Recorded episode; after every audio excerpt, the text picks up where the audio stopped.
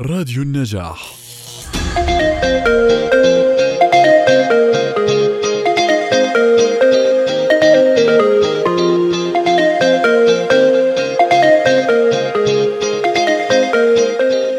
أهلا وسهلا فيكم أعزائنا المستمعين بحلقة جديدة من برنامج خفايا الفن.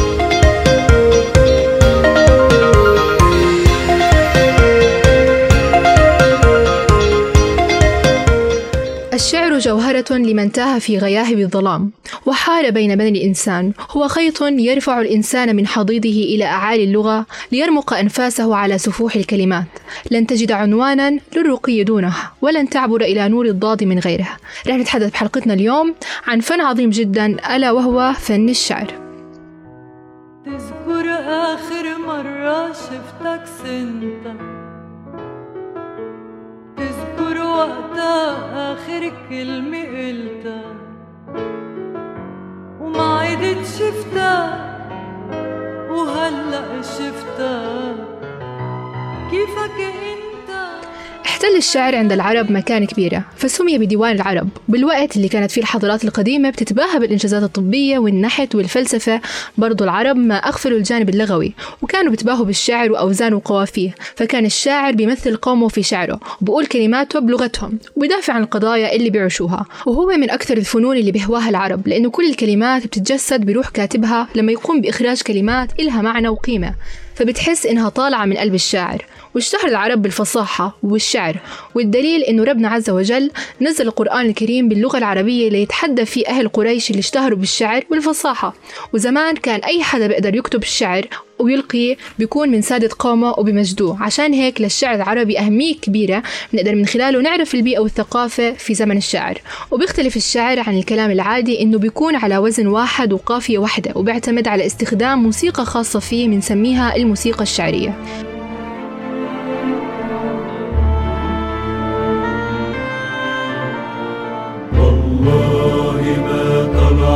شمس ولا غربت إلا وحبك مقرون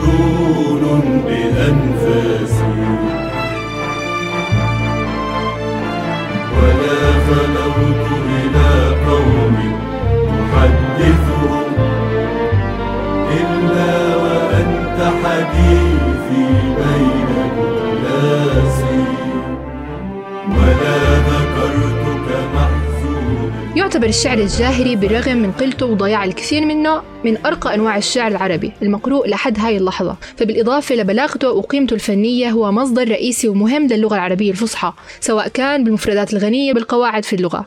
فكان يعتبر الشعر الجاهلي سجل تاريخي موثوق للحياة الثقافية والاجتماعية والسياسية بهذاك الوقت.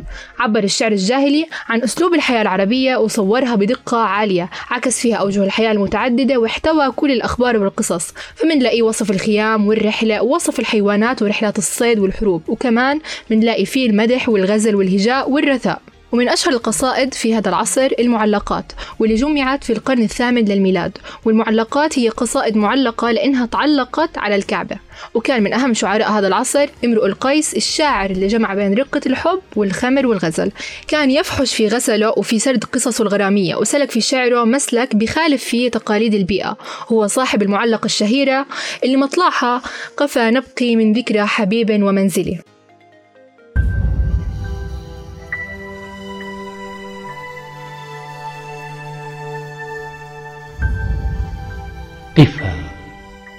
نبكي من ذكرى حبيب ومنزل. بسقط اللواء بين الدخول فحوملي فتوضح فالمقرات لم يعف رسمها لما نسجتها من جنوب وشمال. ترى بعر الآرام في عرصاتها وقيعانها كأنه حب فلفل. كأني غداة البين يوم تحملوا لدى سمرات الحي. ناقف حنظلي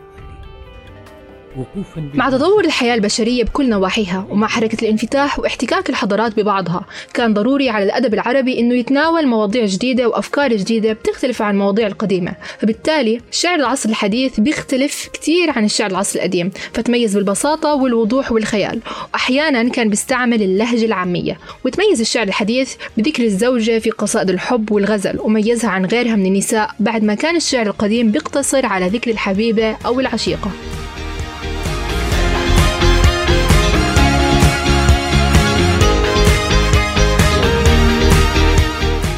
ومن أشهر شعراء العصر الحديث الشاعر الفلسطيني محمود درويش اللي حصل على مناصب رفيعة في الجانب الإعلامي والسياسي فكان رئيس رابطة الكتاب الفلسطينيين وارتبط اسمه بشعر الثورة والوطن فكانت معظم أشعاره بتتحدث عن علاقته بالقضية الفلسطينية وخلونا نسمع أحد أشعاره بصوته.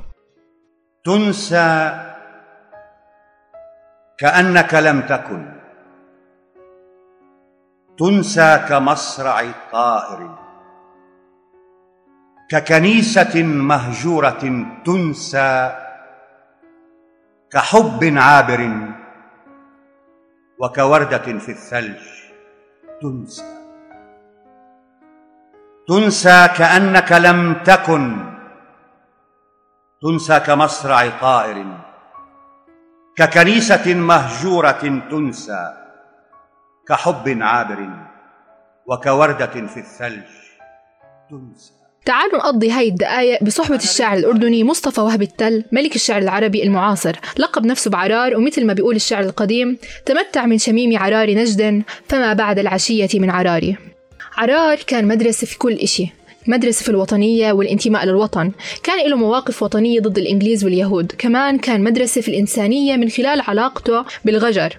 مدرسة تصور كل تفاصيل الأردن فكان شعره بتغنى بالوطن بكل تفاصيله بسهوله بوديانه أنهاره ينابيعه وأشجاره مدنه وقراه. عرار كان عايش كل حياته ليساعد الناس ويوقف حد الفقراء. كان دايما ضد الظلم ويحارب المرابين اللي وصفهم بأنهم إخوان الشياطين. ومن أشهر مخلفاته عشيات وادي اليابس. ونشوف هلأ بيت عرار الثقافي في تل إربد نافذة ومحطة لالتقاء المثقفين والأدباء وشعراء وكتاب الأردن والوطن العربي. وصار بيت عرار مزار يومي لكل فئات المجتمع الأردني من طلبة المدارس والجامعات وغيرهم من عامة الشعب. يا أردنيات إن أوديت مغتربا فانسجنها بأبي أنتن أكفاني. وقلنا للصحب واروا بعض أعظمه في تل إربدة أو سفح شيحاني. ومن باب المحافظة على الشعر وتشجيع اللي عندهم ملكة الشعر على التطور والوصول لأعلى درجة من الفصاحة والبيان أقيمت العديد من المسابقات على مستوى الوطن العربي. أهمها مسابقة شاعر المليون. طبعا هي مش بس مسابقة أو برنامج تلفزيوني هي أنجح المشاريع الإعلامية والثقافية. انطلقت من إمارة أبو ظبي في الإمارات للمنافسة في الشعر النبطي عشان يحافظوا على هذا التراث اللغوي المرتبط ببادية الخليج العربي. بداية كانت جائزة البرنامج مليون درهم بعدين صارت خمس ملايين درهم. لهم لتكون عامل جذب الشعراء لحماية هذا التراث العظيم من الضياع أو النسيان إذا هجرت فمن لي ومن يجمل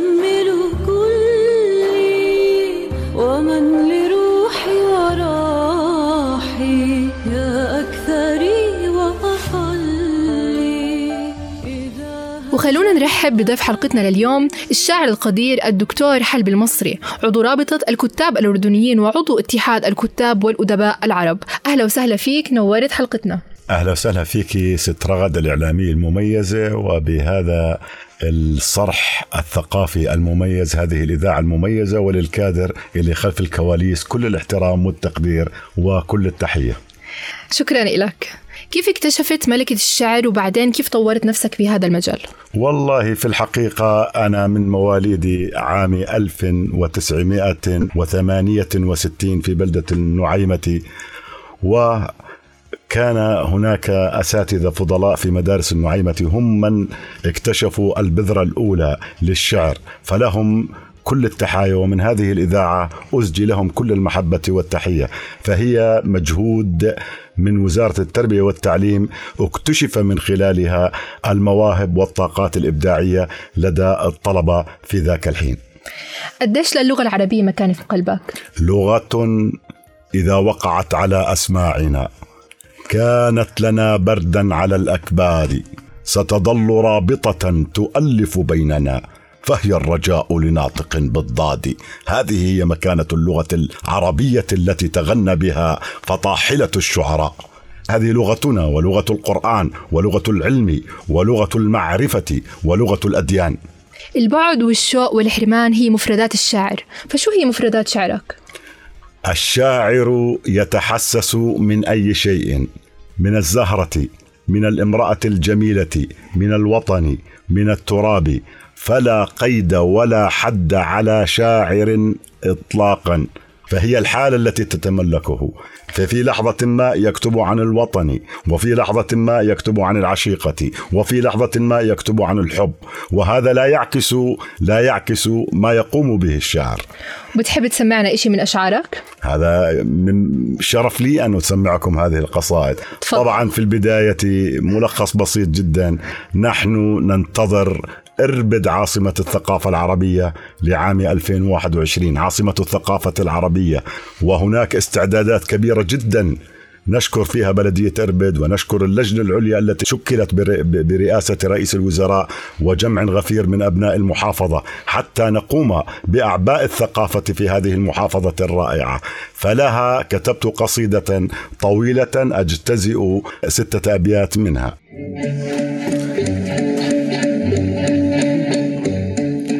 شع الضياء وضاء فيها العسجد لما تبدت للسنابل إربد. رتلت من سور الكتاب قصارها ورقيتها من كل عين تحسد. ووهبتها روحي تطوف بزهرها وشقائق النعمان كانت ترصد. هذه إربد الجميلة هذا مطلع للقصيدة. إربد الجميلة التي نتغنى ونفتخر بها. ما شاء الله أبدعت. شو رأيك بحال الشباب اليوم في البعد عن اللغة العربية وانجرافهم باتجاه المصطلحات الدخيلة؟ هذا عمل شائن فإن اللغة العربية هي المحور لقيام أي أمة. أنا خريج ألمانيا. ألمانيا تعتني في لغتها رغم كل الظروف والمعطيات وهي في في المصافات الأولى من الدول المتقدمة. إن اللغة هي الحافظة وهي الركيزة وهي من مقومات الأمة إذا أردنا النشوء وإذا أردنا النهوض بهذه الأمة العريقة. فلا نهوض بدون لغة. مين برأيك بيستحق لقب الشاعر من شعراء عصرنا؟ وشو هي صفات الشاعر القوي؟ والله هناك على مستوى الوطن أعرف كل زملائي من الشعراء من جنوبه إلى شماله. في الحقيقة يستحضرني إن أردت أن أقول لك من هم الشعراء الذين يكتبون الشعر لا يتعدون أصابع اليد. وخوفا من زعل العديد لا أريد أن أذكر أحدا. فرقني والحب يعترض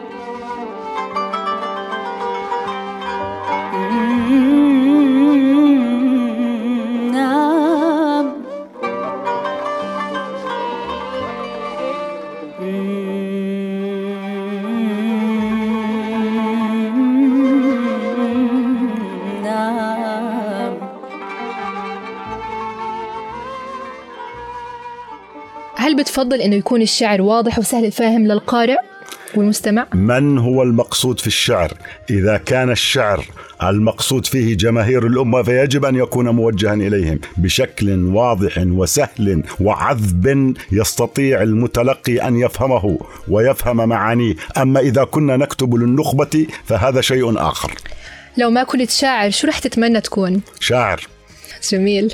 نعم. شو الرسالة اللي بتحب توصلها لجيل اليوم وللعرب اللي عم يسمعونا حاليا؟ لجيل الشباب الذين يستعجلون الموهبة. أقول لهم عليكم بالدراسة والقراءة والقراءة والقراءة والقراءة ثم أن يتدرجوا في سلم الشعر درجة درجة لأنه لا يولد شاعرا مرة واحدة. هي طريق طويلة وصعبة وعلى الشاب أن يتدرب وأن يقرأ ثم يقرأ ثم يقرأ ثم يقرأ حتى يتحصل على مخزون ثقافي كبير يستطيع أن يغرف منه في أي لحظة شاء. نتشكرك على حضورك الراقي جدا وعلى فصاحتك وبلاغتك. ونتمنى لك المزيد من العطاء. كل الشكر لهذه الإذاعة الفتية التي نعتز بها ونفتخر. لا يزال الشعر عاطلا حتى تزينه الحكمة ولا تزال الحكمة شاردة حتى يأويها بيت من الشعر. هيك بيكون ختام حلقتنا لبرنامج خفايا الفن على راديو النجاح. كنت معكم من الإعداد والتقديم أنا رغد أبو خضرة ومن الهندسة الصوتية أسامة الصماضي إلى اللقاء.